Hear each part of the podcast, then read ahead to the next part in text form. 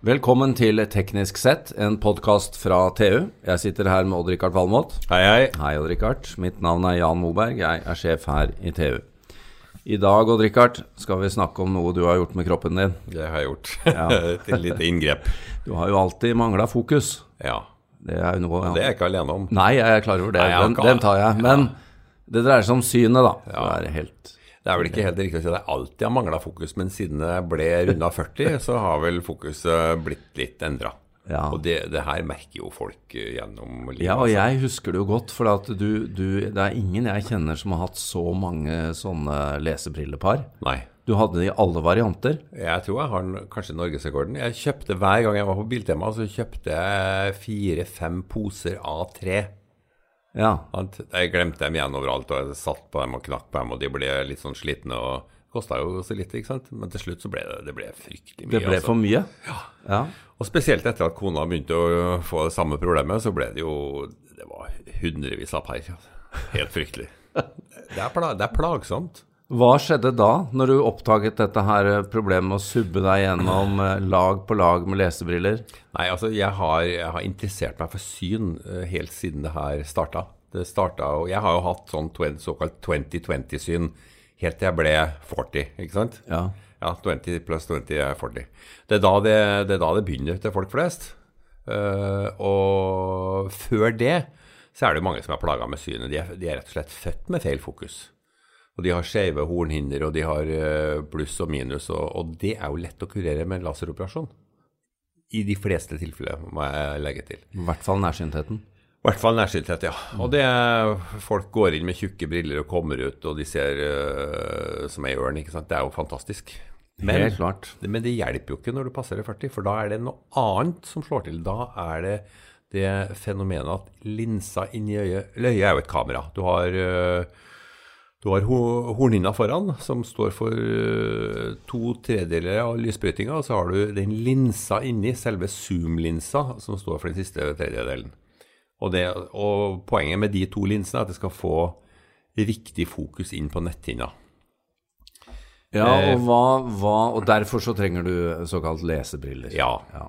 For å korrigere. øh, når linsa øh, blir 40, og vel så det, da begynner den å stivne.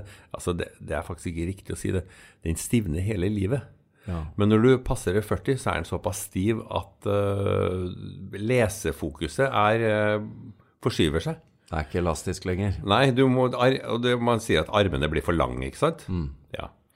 Og det, da, da kommer behovet for briller. Ja, Også- og hva gjør man da, hvis ikke man lenger vil ha disse Nei, poser på poser med lesebriller? Nei, men det er, det er ikke Du hiver deg ikke over en operasjon før du kommer betydelig opp i alder. Altså. Du gjør ikke det når du er 40.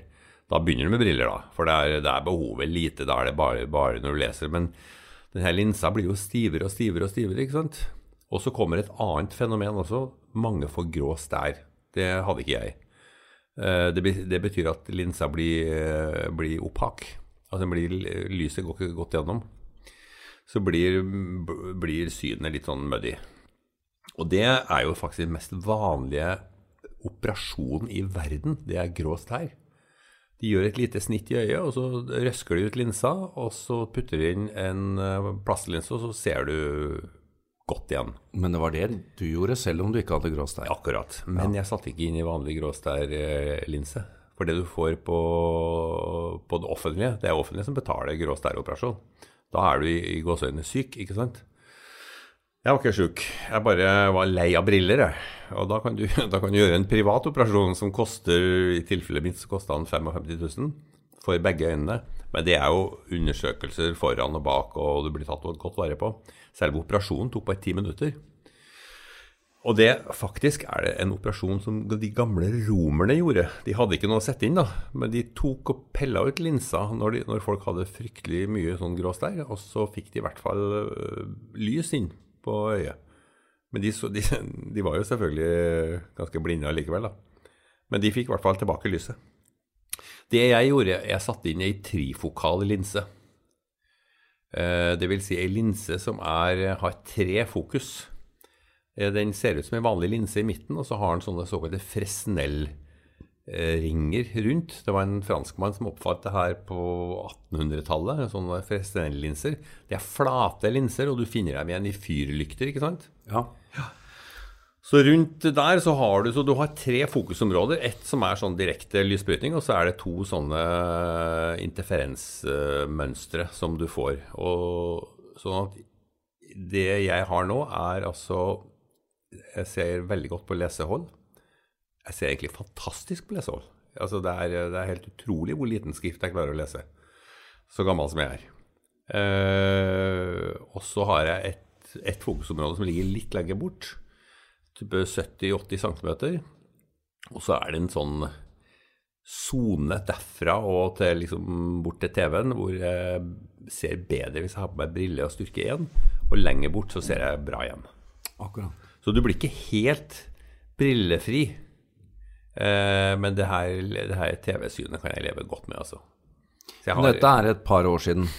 dette er et par år siden. Og det, det morsomme var at jeg ble, var jo liksom, fikk jo en sånn prepp på forhånd. Når du kommer ut nå, så kommer det til å komme ting til å se ganske speisa ut. Eh, og det her var, var om kvelden.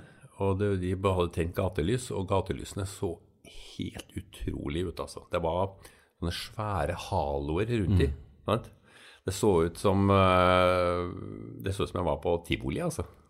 Det var veldig Det var ikke medisinen, det var Nei, operasjonen. det, var, det jeg så, var Fresnel-mønsteret. Ja. Sant? Det var veldig dekorativt, det kan jeg si.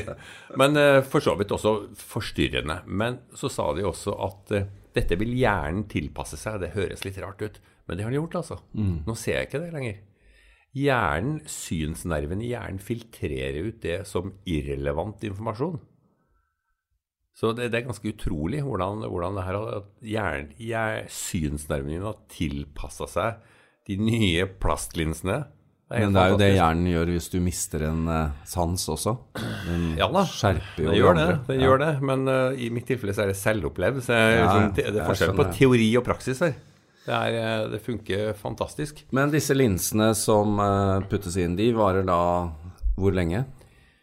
De varer livet ut. De, du, ikke, du fikk, får ikke grå stær i plastikk.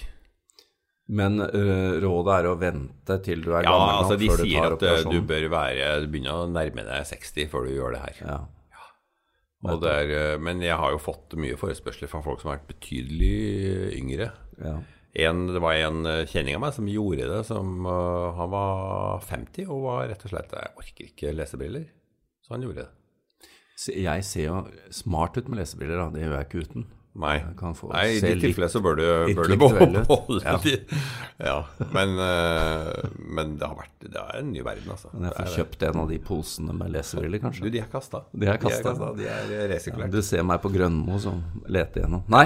Men, um, men det, er jo, det er jo også Det er jo en bakside her òg. Du får litt mindre mørkes, litt dårligere mørkesyn. Det er vanskelig å måle, uh, men jeg tror kanskje jeg har fått litt, litt mye dårligere mørkesyn. Selv om jeg, jeg kan ikke si at jeg, jeg legger merke til det. Men, men utviklingen på hodelykter er jo Ja, ja, ja. vanvittig ja, nå får du 4000 lumen. Du får mange lumen på panna. Ja, det er ikke noe problem. Men Odd-Rikard, før vi gir oss Uh, Dette er jo superspennende, det som foregår uh, på øyefronten. Og uh, vi har jo hørt litt rapporter om The Bionic Eye. Altså skal, skal blinde kunne lære å se, eller, eller veldig svaksynte, da. Skal vi kunne erstatte øyet med elektronikk? Erstatte en defekt retina. Ja. ja, det er det det er snakk om. Ja, og svaret er vel ja. Og det, det gjorde man for mange år siden. Eh, Men du får jo Da snakker vi ikke om lesesyn, altså. Da snakker vi om eh, veldig, veldig Grove figurer og, ja, at de og sort-hvitt. kan se kanskje bevegelser og mønstre foran seg i Ja. veldig, veldig dårlig oppløsning. Men dette blir jo bedre hele tida. ja. Om man klarer å gjenskape øyet sånn som det er, det, skal, det er vel høyt oppe og langt fram, tror jeg. Da tror jeg heller vi skal gå genveien. Ja. Men inntil videre så tror jeg nok at veien om silisium og elektronikk er eh, farbar. Det skjer ting der også. det tror jeg. Og så må vi jo ta med en ting til, og det er jo at for de som virkelig er svaksynte og trenger førerhund, en god companion som det heter, eh, vil, vil førerhunden bli en robot? Ja, det tror jeg. Kanskje ikke i form av en førerhund, men i form Nei, av altså, supportsystemer. Altså, du kan se på briller, som mange sånne Ja. svarte solbriller som mange blinde går i dag. Du får plass til ganske brukbare videokameraer der, og med den analysen som i dag kan skje både lokalt og i nettskyen, så kan du få minst den informasjonen du får fra en førerhund. Så nå er det ikke bare snakk om at det er vi mennesker som mister jobben når verden blir automatisert og robotisert. Bikkjene kommer også bikkjene kommer også til å Ja, miste jobbene Du kan sine. jo ha en hund allikevel, da, selv om Ja, ja, du men kan en, jo det. en som kan leve et mer bedagelig liv. Veldig bra. Vi kommer tilbake med mer Medtech etter hvert. Det gjør vi.